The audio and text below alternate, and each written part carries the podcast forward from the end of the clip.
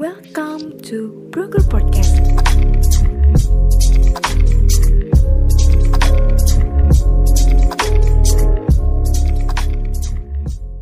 Welcome to Broker Podcast, tempatnya kamu mencari informasi seputar pekerjaan. Halo Sobat Yasmin di seluruh penjuru Indonesia. Apa kabar nih? Aku harap selalu baik-baik aja ya, walaupun lagi pandemi. Oh iya, aku jadi ingat pepatah lama nih Sobat Yasmin. Ada pepatah mengatakan, tak kenal maka tak sayang. Maka dari itu, kita kenalan yuk. Kenalin, aku Farah yang akan menemani kalian selama 30 menit ke depan. Nah, sebelumnya aku ada info menarik nih buat kalian yang lagi mempersiapkan karir, tapi masih bingung dalam membuat CV, persiapan dokumen kerja, dan lain-lain. Bisa banget loh daftar layanan Yasmin, di mana layanannya itu ada review CV, konsultasi kerja, dan berbagi dokumen kerja ataupun template CV.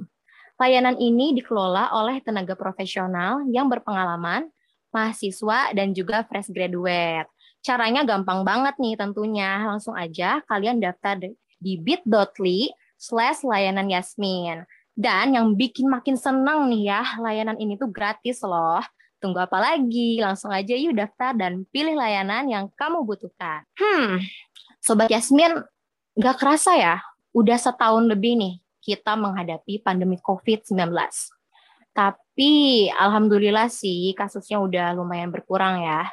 Sehingga para karyawan pun udah mulai bisa kerja di kantor ya kan atau yang kita kenal tuh istilahnya WFO. Nah, perihal bekerja di kantor, Sobat Yasmin pernah nggak sih ngerasa lelah, stres, atau burnout di tempat kerja? Pastinya pernah dong ya, dan tentunya udah jadi rahasia umum bahwa kondisi hati dan perasaan seseorang mempengaruhi kita. Nah, buat teman-teman yang masih bingung gimana caranya mencapai kebahagiaan di tempat kerja, tenang aja ya teman-teman. Kita bakal bahas tuntas nih di podcast kita kali ini. Dan sebelum aku uh, mengobrol-ngobrol santai dengan narasumber, aku mau ngenalin sedikit nih tentang narasumber kita pada kali ini. Oke, pada malam ini Narasumber kita ini ada Kak Astri Grace de Olivia Napitupulu. Kak Grace ini merupakan sarjana keperawatan dari Universitas Pajajaran Bandung. Dan untuk pengalamannya sendiri nih ya, Kak Grace ini merupakan project asisten di PT Bangun Cipta Marga, COO dan co-founder di Insan Capital, personal assistant by project di PT Arta Baswara Semesta, dan juga personal assistant to CEO di PT 1% Edukasi. Wah, luar biasa banget ya Kak Grace ini. Langsung aja yuk kita sambut narsum kita. Halo Kak Grace, apa kabar nih Kak? Halo, kabar baik. Gimana kabarnya Farah? Alhamdulillah Kak, aku juga kabar baik nih Kak. Sehat ya? Walaupun Iya. pandemi nih masih online semua. Iya. Kalau boleh tahu nih Kak, aku manggilnya apa nih? Kak Astri, Kak Grace, atau Kak Olivia? Kak Grace aja. Oh, Kak Gak Grace apa aja. Kak Grace aja. Atau Kak GG juga boleh kalau misalnya lebih nyaman. It's okay. Oke. Nah, kalau boleh tahu juga, Kakak tuh sekarang lagi sibuk apa aja sih, Kak? Kalau kesibukan sebenarnya lagi di dua hal sih. Tadi kan lagi di project assistant nih di PT Bangun Cipta Marga. Sama aku juga ada side hustle di Insan Capital. Tapi itu juga sebenarnya self-employed. Jadi sebenarnya ya by project saja gitu. Jadi sebenarnya full time-nya sekarang lagi di project assistant di Bangun Cipta Marga. Seperti itu. Wah, sibuk banget ya pasti ya, Kak. Ya, kinda, tapi harus tetap disyukurin sih produktivitasnya. Betul banget, Kak. Nah, kalau Kak Grace sekarang lagi, lagi sibuk kerja gitu ya, Kak. Kalau aku pribadi nih lagi sibuk kuliah nih, Kak. Aduh, banyak banget tugas numpuk nih. Semester berapa nih, Farah? Semester 3, Kak, kebetulan. Oke, Kita- masih masih hangat ya berarti ya kuliahnya. masih hangat. Baru Semangat, jadi semangat, cutting nih, semangat, Kak. semangat. Oh, iya bener, bener, bener, bener. Baru nerima ade baru ya? Mahasiswa Iya, baru. betul banget, Kak. Nah, seperti yang udah disinggung sebelumnya ya, Kak. Kali ini kan Hmm. kita bakal membahas mengenai bagaimana mencapai kebahagiaan di tempat kerja. Karena sesuai dengan tema kita saat ini yaitu mindfulness, resep bahagia di tempat kerja. Wah, ini menarik nih ya pasti ya, Kak. Ya, sebenarnya kalau mindfulness lumayan sering sih ya sekarang bergaung ya, kayak practicing mindfulness dan lain sebagainya. So it's kind of interesting to talk with you and share with you ya. Oke, kalau boleh tahu nih Kak, dari mood Kakak sendiri. Nah, sekarang lagi gimana sih Kak? Apakah Kakak sedang burn out atau lelah atau happy? Gimana nih Kak? Kalau mood sekarang mostly happy. Ya kalau lelah ya wajar lah ya udah jam Iya, wajar. segini wajar. Tapi kalau mood overall aku sekarang lagi happy karena ketemu teman-teman semua nih malam hari ini ngobrol bareng, sharing bareng. Peres nggak sih? Enggak kan? Enggak peres ya? Enggak peres ya? Santai aja sih Kak kita ya. Walaupun aja. kita ketemunya via online ya Kak. Betul, betul, betul. Menurut Kakak sendiri tuh eh, seberapa penting sih Kak rasa kebahagiaan itu untuk Kakak? Sekaligus kan Kakak sekarang tuh jadi karyawan ya Kak. Seberapa Hmm. penting rasa bahagia untuk karyawan? Dan kenapa gitu kebahagiaan itu diperlukan Kak dalam bekerja?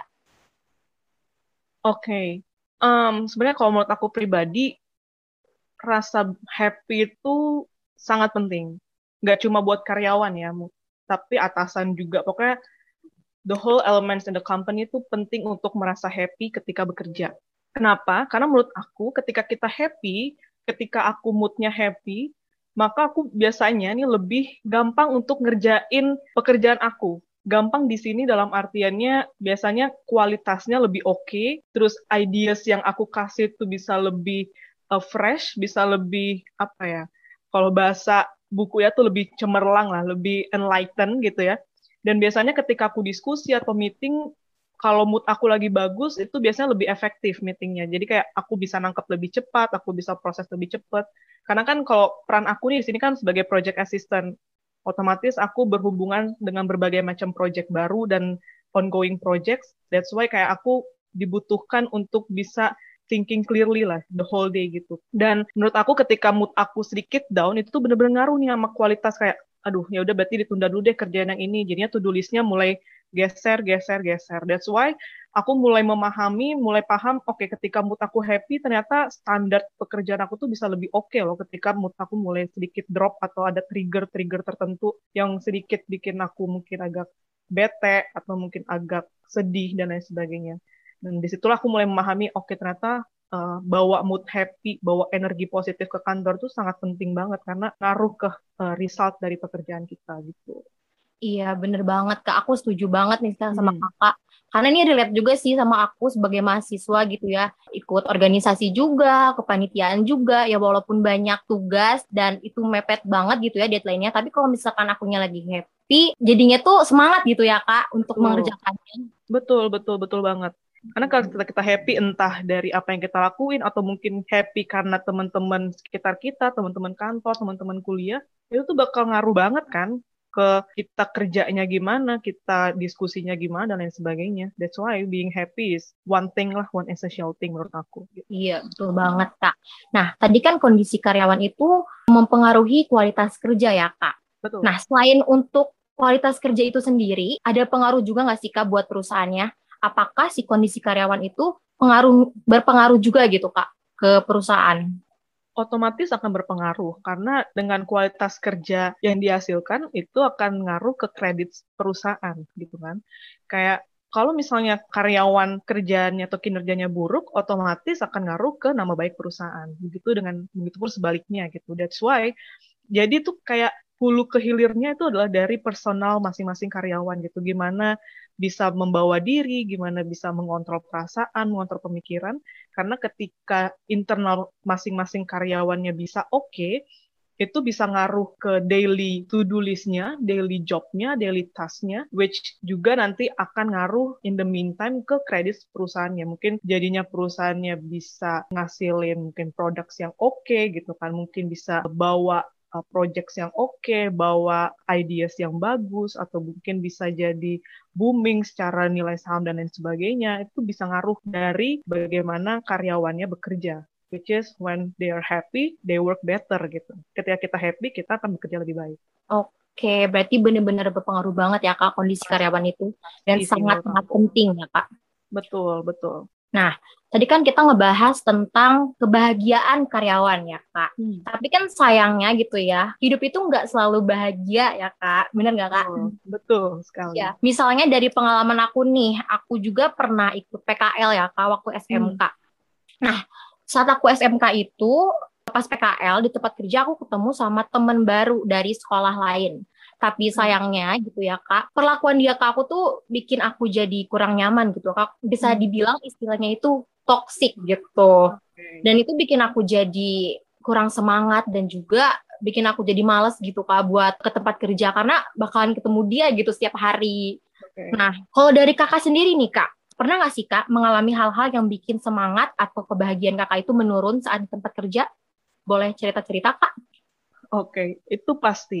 Karena pasti kita berhubungan dengan banyak orang yang nilai nilai, visi, misi, karakternya tuh nggak mungkin sama dengan kita. Pasti kan beda-beda ya tiap orang. Nah, tapi yang menjadi poin dan highlights aku adalah karena kan aku di Instant Capital juga sempat berhubungan dengan beberapa orang gitu kan. Externally, internally juga. Dan dalam satu tim itu memang penting untuk menjaga bond sih, menjaga bond dan mengerti satu sama lain. Mungkin aku sedikit cerita dari sudut pandang ini ya, Instant Capital uh, organisasi yang aku bikin sama teman-teman gitu. Nah, kalau di sini sebenarnya ketika membangun uh, organisasi itu penting untuk bisa menjaga bond dari tiap anggota timnya itu untuk tetap uh, maintain in a good way gitu. Kenapa?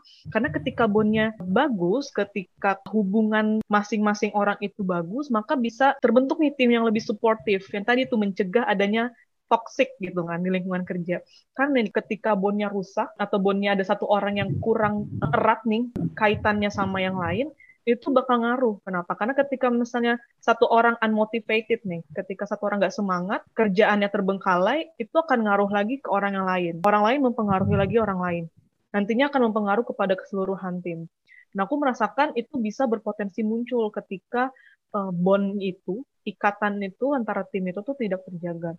Nah, gimana caranya supaya bond itu tuh terjaga? How to maintain this bond gitu ya antara tim di kantor atau di pekerjaan atau di mana pun di organisasi misal yaitu menurut aku ketika aku assess ya ketika aku assess aku dalamin ternyata tuh melalui satu hal yaitu komunikasi gitu. aku merasakan ternyata kayaknya penting ya kalau misalnya di kantor mungkin ataupun di organisasi atau mungkin di perusahaan sendiri misalnya atau di mana gitu misalnya seminggu sekali atau dua minggu sekali seluruh tim itu tuh ngobrol di luar pekerjaan. Itu menurut aku penting.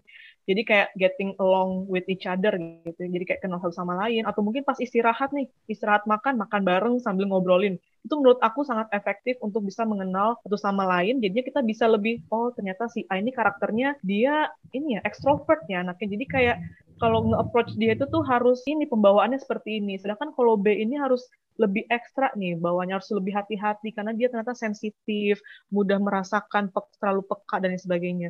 Nah, dari komunikasi itu tuh, dari komunikasi di luar pekerjaan itu yang menurut aku tuh bisa bikin lingkungan kerjanya tuh lebih positif, lebih happy. Jadinya kita yang ada di lingkungan kerja itu bisa happy juga, ikutan happy. Dan nantinya ngaruh deh ke kerjaan. Jadinya standarnya lebih oke, okay, kualitasnya juga lebih oke. Okay itu sih menurut aku. Kejawab nggak ya? Kejawab ya? Iya, kejawab banget sih Kak. Jadi penting banget ya komunikasi Kak. Betul, betul. Salah satu caranya komunikasi. Juga, iya Kak, kebetulan aku juga anak ilmu komunikasi nih Kak. Oh gitu, oke. Okay. Nice to know you. Nah, tadi tuh kan kita ngebahas tentang ini ya Kak, kebahagiaan tadi ya Kak. Dan aku Betul. juga sempat nyinggung kalau misalkan kebahagiaan itu kan nggak selalu ada gitu ya Kak. Hmm. Kita pasti juga pernah ngerasa lelah, stres, burnout. Nah, back to tema kita kali ini nih Kak, tentang mindfulness itu sendiri. Menurut Kakak, mindfulness itu bisa jadi solusi nggak Kak untuk para karyawan? Dan yang aku tahu gitu ya Kak, mindfulness itu kan kayak semacam konsep di mana kita fokus untuk hidup saat itu begitu ya Kak, atau bahasa kerennya itu living in the moment gitu ya kak. Bener nggak kak? Yes, betul. Oke. Nah pandangan kakak terhadap mindfulness itu gimana sih kak? Dan itu bisa jadi solusi nggak sih kak untuk para karyawan yang emang lagi ngerasain burnout stres atau lelah gitu kak? Oke. Sebenarnya ini agak tricky sih. Kalau misalnya aku personal sebenarnya melihat mindfulness itu tuh sebagai personal issue ya. Jadi kayak kita nggak bisa maksa ini seluruh karyawan oke okay, supaya lo happy lo harus being mindful dengan apa yang lo kerjain sekarang. Lo harus living in the present bla bla bla bla bla. Kita nggak bisa kayak gitu ke setiap karyawan. Aku mungkin belum terlalu expert dalam hal mindfulness tapi aku sudah mulai sedikit demi sedikit belajar dan mempraktikkannya melalui meditasi sebenarnya. Dan sebenarnya untuk belajar uh, practicing mindfulness itu tuh nggak bisa melalui teori atau disuruh tapi harus benar-benar dari orangnya itu sendiri kan. Kayak oke okay, gue kayaknya mau belajar nih meditasi supaya gue lebih mindful atas hari-hari gue gitu Tapi menurut aku pribadi, mindfulness bisa menjadi salah satu solusi karena itu bisa melatih kita kan being aware gitu ya, kayak living in the moment, living in the present tadi kalau kata Farah gitu kan. Jadi kayak kita aware nih sama apa yang terjadi di diri kita, apa yang terjadi di lingkungan sekitar kita, sehingga kita most likely bisa lebih mudah mengontrol lah, mengontrol perasaan, mengontrol emosi, mengontrol pikiran kita gitu, karena kita being mindful. Karena kalau misalnya yang aku pelajari ya dan aku rasakan ketika aku meditasi gitu, itu tuh aku belajar kan untuk mengetahui atau assessing apa yang lagi aku pikirin, apa yang lagi aku rasain tanpa uh, judging tanpa apa namanya menghakimi gitu kan. Kayak mungkin aku lagi sedih mungkin aku lagi anxiety gitu kan. Mungkin aku lagi stres nih banyak deadline dan lain sebagainya.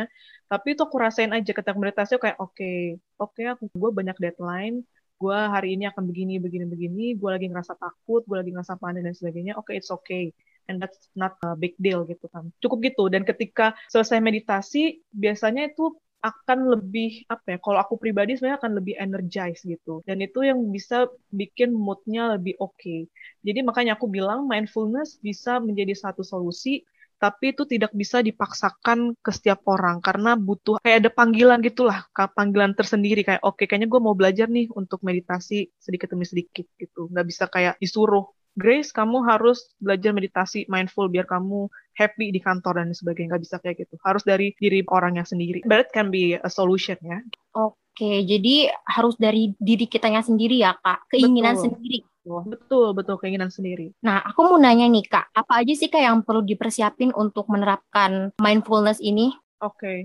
Sebenarnya kalau misalnya aku baca-baca ya, tuh sebenarnya kalau aku baca, dan aku pelajarin along the way gitu sebenarnya nggak perlu banyak hal yang diperlukan dipersiapkan untuk latihan mindfulness. Yang perlu dipersiapkan adalah diri kita ya sebenarnya gitu kan. Kayak gimana diri kita apakah siap untuk belajar being mindful atau belum siap? Karena biasanya kalau orang belum siap kayak tadi belum pengen mau mencoba belum ada panggilan belum ada intensi ke sana biasanya kayak aku dulu cenderung malas-malasan dan nggak ngerasain apa pun benefitsnya gitu jadinya kayak ya udah gitu doang. Cuma tutup mata duduk ya udah habis itu nggak ada ngerasain efeknya. Itu kalau misalnya belum ada intensi yang jelas. Nah ketika sudah mulai ada intensinya tinggal mempersiapkan diri aja. Mempersiapkan diri sama paling akan lebih baik jika melakukannya di ruangan yang tenang atau lebih kondusif. Jangan kayak misalnya di ruang di kantor nih ada misalnya ada enam orang. Tiba-tiba tutup mata habis tutup mata di tengah-tengah pekerjaan gitu tutup mata meditasi.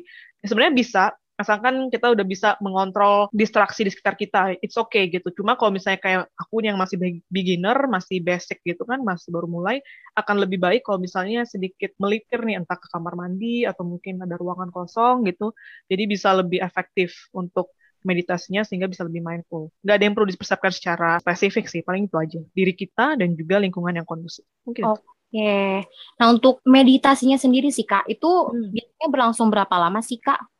Kalau meditasi, jadi sebenarnya aku kalau meditasi itu pagi hari. Jadi pas bangun tidur biasanya aku tuh langsung keluar cari yang matahari udara luar gitu terus aku meditasi 15 sampai 20 menit. Itu kalau di rumah, kalau di kosan gitu ya. Cuma kalau misalnya kalau di kantor sebenarnya aku nih belum mempraktekkan sih kalau di kantor karena aku kayak belum bisa menyempatkan nih waktunya kayak nyari waktunya untuk bisa meditasi di sela-sela pekerjaan itu gimana aku belum bisa. Cuma aku emang udah cukup banyak baca dan cukup banyak nonton-nonton YouTube dan sebagainya gitu uh, teknik dan caranya sebenarnya kalau untuk di selasa pekerjaan tuh biasanya ada guides meditasi yang cuma tiga menit sampai lima menit. Jadi kayak bener-bener cuma untuk take a break doang gitu. Capek ngeliat monitor nih misalnya capek ngeliat monitor, capek pusing mikirin kerjaan gitu kan, deadline dan lain sebagainya, to do list dan lain sebagainya. Oke, melipir dulu nih tiga menit buat meditasi sejenak. Pakai guides boleh, kalau misalnya udah bisa sendiri juga boleh gitu kan. Tiga menit sudah efektif, sudah oke, okay, ya udah tinggal balik lagi ke ruangan sebenarnya kan kalau meditasi itu fokusnya itu kan lebih ke teknik pernafasan inhale exhale. Terus tuh kan kayak ada sugesti juga. Terus tuh ada observasi pikiran perasaan dan lain sebagainya. Terus tuh nanti ada seperti kayak merasakan atau memberikan support ke diri sendiri, dukungan seperti tadi melalui sugesti. Makanya itu yang menurut aku bisa menjadi satu cara mengumpulkan energi positif dan meningkatkan atau boosting that happy mood gitu. That's why kayak aku setiap pagi sekarang ini memang berusaha sebisa mungkin menyempatkan untuk meditasi seperti itu 15 sampai 20 menit. Wah, keren banget sih Kak. Kebetulan aku belum pernah sih Kak hmm. meditasi. Mungkin nanti bisa dicoba juga Kak sama Bisa banget, bisa banget. Karena udah banyak kan uh, platform-platform uh, yang menyediakan guides untuk meditasi gitu. Udah easy access banget kok. Jadi kayak kalau misalnya belum bisa meditasi sendiri dengan ngomong sendiri, sugesti sendiri, banyak guides yang bisa support kita meditasi lebih mudah. Oke. Nah, ini pertanyaan terakhir nih, Kak, untuk Kakak. Okay. Menurut Kakak, seberapa penting sih, Kak, menjaga kondisi mental seseorang khususnya untuk mereka para karyawan agar tetap bisa bahagia di tempat kerja. Mengingatkan banyak tekanan juga ya kak, hmm. Eh, belum lagi oh. itu tekanannya dari luar pekerjaan gitu kak. Nah itu seberapa penting sih kak untuk jaga kondisi mental seseorang? Oke, okay. benar tadi kata Parah. Sebenarnya kalau kondisi mental tuh kan nggak ada yang bisa memprediksi, mengatur ataupun mengontrol setiap harinya gitu. Karena banyak faktor banyak aspek yang mempengaruhi entah itu tadi kan kayak lingkungan luarnya mungkin keluarga mungkin pasangan mungkin teman kantor mungkin bos mungkin bawahan gitu mungkin pihak eksternal ah banyak banget lah pokoknya yang bisa mempengaruhi. Atau mungkin ada trauma masa lalu masa kecil yang bisa banget mempengaruhi mental kita sampai hari ini gitu kan. Banyak hal yang mempengaruhi. Tapi di sisi lain penting juga menurut aku untuk bisa menjaga mood, menjaga rasa bahagia karena di sisi lain itu juga bisa bermanfaat baik bagi orang banyak di sekitar kita, itu juga bisa bermanfaat baik buat kita gitu. Karena ketika kita happy, kita akan bisa lebih positif menghadapi hari-hari kita gitu. Nah, gimana caranya misalnya walaupun lagi mikirin nih, aduh akhir bulan nih tagihan gue misalnya lalala lili atau mungkin aduh keluarga gue lagi sakit nih lagi dirawat di rumah sakit atau mungkin aduh ini habis kecelakaan dan sebagainya mungkin banyak hal-hal yang bikin kita mentally disturbed tapi satu cara yang bisa men-tackle itu atau bisa meng-overcome itu adalah kalau menurut aku ya, dan berdasarkan pengalaman aku adalah untuk tetap bersyukur satu hal. Karena ketika aku bersyukur, apa pun masalahnya, seberat apa pun, itu aku bisa kayak coba, oh ya udah nggak apa-apa. Gue akan bisa menghadapi semua ini dengan baik, dengan positif, dengan cara yang oke okay, dan gue akan menang. That's why kayak dengan bersyukur, nah setuju kan? Dan dengan yep. Iya. bersyukur itu biasanya pikiran perasaan itu kayak lebih positif aja. Nggak tau kalau aku selalu kira kayak gitu. Kayak ketika aku mengucapkan syukur nih, thank you gitu kan, thank you God atau ya terima kasih Tuhan atau mungkin alhamdulillah gitu kan kayak itu pasti akan secara nggak langsung tuh oh ya ampun ternyata gue masih bernafas nih sekarang gue masih bisa makan nih sekarang gue bisa jalan nih itu kayak hal-hal kecil itu yang bikin kita jadi ternyata uh, happy juga walaupun mungkin sebenarnya di belakang-belakang nih pressure-nya banyak nih, trouble-nya, problems-nya banyak nih gitu kan. Nah, selain bersyukur kalau menurut aku ya, berdasarkan pengalaman aku adalah finding purpose, jadi tujuan. Jadi nggak cuma long term purpose, tapi juga daily purpose-nya. Jadi kita tuh bangun buat apa sih gitu. Dulu kalau boleh sharing nih ya, boleh sharing ya Pak. Jadi boleh kalau banget. jadi kalau dulu aku tuh paling males bangun pagi. Aku tuh mungkin kalau orang rumah ya, kalau orang rumah aku taunya dulu aku tuh bangun jam 9, jam 10 gitu. Itu apalagi saat-saat pandemi itu wow, itu luar biasa. Cuma ketika ada turning point itu tuh aku mulai merasakan pentingnya bangun pagi karena aku tahu purposeku di pagi hari itu apa gitu. Nah, gimana cara nyari purpose-nya? Jadi kalau aku rumusnya adalah lakukanlah apa yang kita suka di pagi hari. Karena itu yang bakal bikin kita semangat untuk bangun. Jadi kayak aku aku kan suka banget berjemur matahari. Karena matahari itu bikin seger aja bikin muka fresh dan lain sebagainya. Nah, jadi aku suka ngejar matahari. Nah that's why tiap pagi itu aku bikin planku tuh ya kayak tadi meditasi sambil dengerin musik. Jadi setiap pagi sekarang tuh aku bangun jam 6 itu bangun bisa dikatakan tidak mengeluh gitu.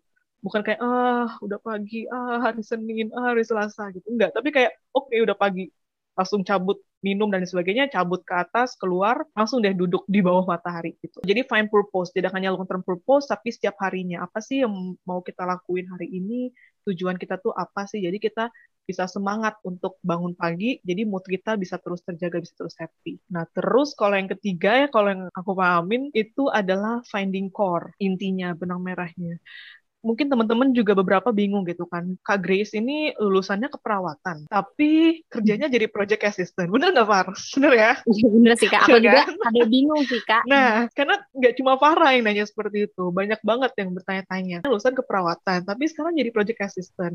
Punya project set hustle finance gitu kan. Jadi sebenarnya Kak Grace ini maunya apa sih gitu? Pasti kan gitu bertanya kan. Oke, jadi sebenarnya itu. Yang ketiga ini berhubungan sama itu, yaitu finding core. Mungkin kalau orang ngelihat kayak ih kok lu beda banget sih jauh banget sih fieldnya gitu tapi begitulah kenyataannya karena tidak semua hal yang kita lakukan itu atau mungkin tidak selamanya dunia ini tuh harus menyesuaikan dengan apa yang kita mau sometimes kita yang harus menyesuaikan dengan apa yang di-provide oleh dunia ini gitu. Banyak sekali kan kalau misalnya aku baca di, di sosial media, di Instagram dan lain sebagainya kayak aduh pekerjaan gue nih nggak sesuai passion, gue nggak suka ngerjainnya gitu. Banyak kan, Pak. Gue nggak nggak mau ngerjain ini karena ini nggak sesuai passion gue dan lain sebagainya ya mereka itu nggak salah menurut aku tapi kalau di prinsip aku di value aku sebenarnya tidak selamanya pekerjaan yang kita miliki itu harus sesuai sama passion tapi gimana caranya supaya kita tetap happy walaupun itu tidak sesuai passion adalah dengan mencari core-nya kalau menurut aku. Kan. Jadi misalnya aku, passionku tuh apa sih sebenarnya? Oh, passion aku tuh sebenarnya belajar. Aku tuh suka belajar hal baru kan. Gimana ya belajar hal baru? Tapi kalau belajar hal baru, ya udah baiknya jadi peneliti nggak sih gitu kan? Kan peneliti lo meneliti hal-hal baru tuh, tapi nggak selamanya jadi peneliti ternyata di pekerjaan yang sekarang gue nemu nih hal-hal baru setiap hari. Setiap hari project baru setiap hari ketemu orang baru. Dengan ketemu orang baru banyak insight baru dan sebagainya. That's why I love my job gitu. Kayak oh setiap hari gue banyak hal-hal baru. Dan ternyata walaupun berbeda dari kuliahku yang nursing berbeda fieldnya sangat jauh 180 derajat tapi aku tetap bisa maintain happiness maintain semangat, maintain purpose-nya karena aku tahu core-nya tuh sebenarnya tetap inline, tetap sama, yaitu aku belajar hal baru setiap harinya dari pekerjaan aku gitu. Sebenarnya kalau menurut aku finding core itu penting untuk menjaga happiness untuk menjaga mood menjaga semangat motivasi. Karena dengan itulah kita bisa tahu oke okay, ini hidup gue ternyata apa yang gue lakuin tuh masih related kok sama apa yang gue suka. Walaupun mungkin fieldnya beda drastis atau mungkin tidak berhubungan dan lain sebagainya. Itu bisa dicari semuanya. Dan itu bisa bikin mood kita makin naik bikin mood kita jadi happy. Seperti itu. Panjang oh. ya? Ya nggak apa-apa kak. Oke Kak, makasih banyak ya Kak Grace atas waktu dan kesempatannya. Very welcome, very pleasure. Sharing-sharing nih Kak di Broker Podcast kita kali ini. Thank you banget juga waktunya Farah dan teman-teman semua ya. Udah iya, invite aku nih. Yes. Semoga sharing kita kali ini tuh bisa memberikan banyak manfaat ya Kak bagi Amin. orang lain. Yes, hopefully. Amin. Nah, Oke, Sobat Yasmin, dari aku pribadi menyimpulkan bahwa kebahagiaan karyawan itu sangatlah penting dan juga berpengaruh pada kualitas kerja atau perusahaan itu sendiri. Namun, beberapa hal juga bisa menyebabkan kebahagiaan atau semangat kita menurun nih. Salah satunya adalah rekan kerja yang toksik, ya kan? Dan untuk mengatasinya, kita bisa menerapkan konsep mindfulness yang sudah tadi dijelaskan oleh Kak Grace ya, ada meditasi ya Kak. Yes, ada betul. meditasi Iya, dan itu kita ngelakuin harus dari diri kita sendiri, bukan disuruh Betul. orang lain terus kita ngelakuin. Kalau misalkan kita ngelakuin karena disuruh orang lain, buat apa gitu ya? Betul. Jadi nggak ikhlas. kita nggak dapat. Betul, betul banget. Jadi gak Betul. Jadi dimulai dari kita sendiri karena itu juga untuk kita sendiri. Mm-hmm. Nah, gimana nih Sobat Yasmin? Seru banget kan ya pembahasan kita kali ini. Terima kasih banyak ya karena sudah mendengarkan Broker Podcast dari awal sampai akhir. Nah, buat Sobat Yasmin yang pengen tahu informasi seputar dunia kerja lainnya, tenang aja, Broker Podcast kita bakalan ada tiap minggu loh. Broker Podcast, tempatnya kamu mencari informasi seputar pekerjaan. Oh iya, jangan lupa juga nih untuk follow kita di Instagram dan website yasmin.or.id supaya kalian selalu dapat info terupdate dari kita. Oke, aku Farah pamit undur diri. Keep healthy, stay tuned, and see you later. Bye bye.